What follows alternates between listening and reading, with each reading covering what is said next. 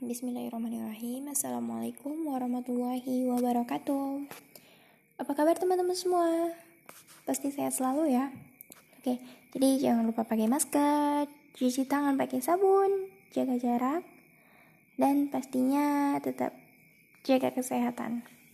Oke Jadi sebenarnya malam ini Itu tuh udah jam sekarang udah jam Jam berapa ya? Jam 22.18 jadi nggak tahu kenapa ini tiba-tiba aku kayak pengen ngomong aja gitu. Tapi emang belum ngantuk sih. Jadi pengen ngomong tapi lagi di rumah itu lagi sendirian. Jadi aku buat podcast ini nggak apa ya. Semoga bermanfaat buat kalian yang dengerin podcast ini.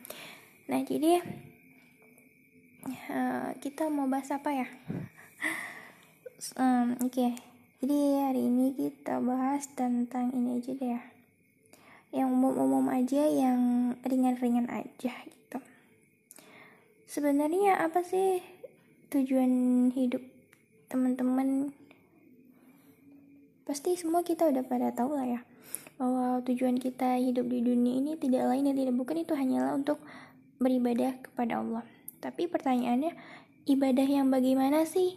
Kan kayak gitu ya. Karena kan aduh banyak ya ibadah ibadah yang yang harus kita jalankan. Nah ibadah ibadah yang kayak gimana nih? Kayak gitu. Apakah semua harus kita lakuin gitu? Atau kita bisa pilih-pilih sesuai hati kita sesuai kemauan kita. Misalnya uh, sholat haji puasa terus kita pilihnya udah deh yang penting sholat aja. Nggak nutup aurat mah nggak apa-apa ya kan?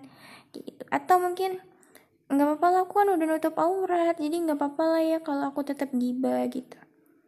Nah sebenarnya ibadah yang kayak gimana sih? Kan gitu ya. Nah kalau kita merujuk dari uh, perintahnya Allah ya dalam Al-Quran yang artinya itu bahwa Allah itu menciptakan jin dan manusia itu hanya untuk beribadah kepada Allah maka sebenarnya itu adalah ibadah yang dimaksud itu adalah universal jadi menyeluruh. Seluruh ibadah yang udah Allah tetapkan yang udah Allah turunkan aduh untuk hambanya. Gitu jadi jadi ternyata kita ya harus semua gitu. apa yang udah Allah perintahkan itulah yang harus kita jalankan gitu. Misal ada sholat puasa zakat itu kan naik haji. Nah maka ya semuanya harus kita jalankan. Dan kita nggak bisa seenaknya kita doang gitu yang kayak tadi tuh.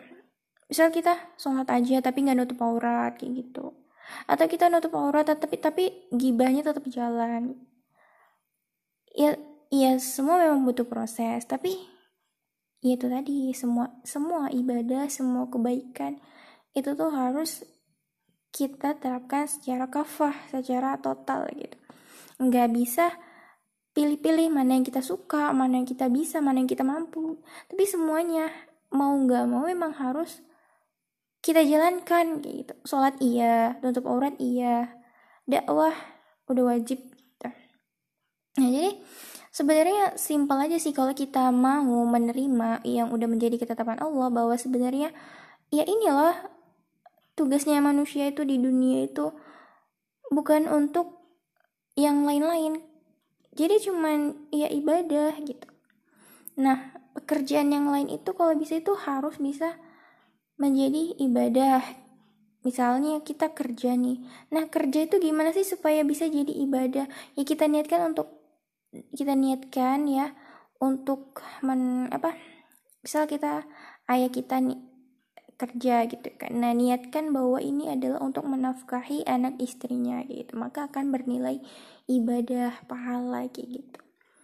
Atau yang lain-lainnya belajar gitu kan yang masih sekolah niatkan bahwa ini menuntut untuk sekolah itu untuk menuntut ilmu. Nah di mana menuntut ilmu itu kan ada kewajiban gitu ya kan tolabul ilmi.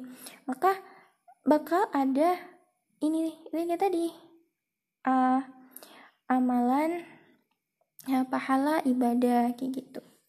Sebenarnya sih simple aja kalau misalnya kita udah paham konsepnya.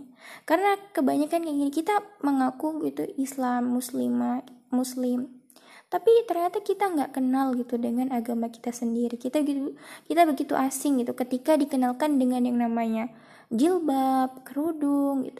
Tentang interaksi antara laki-laki dan perempuan kita itu terlalu asing gitu. Karena kita memang ya memang beginilah uh, kehidupan di sistem sekuler. Jadi pemisahan antara kehidupan eh pemisahan antara agama dan kehidupan. Maka sebenarnya nggak heran ketika umat muslim gitu ya kan harus dihadapkan dengan uh, segudang peraturan yang udah Allah tetapkan ya.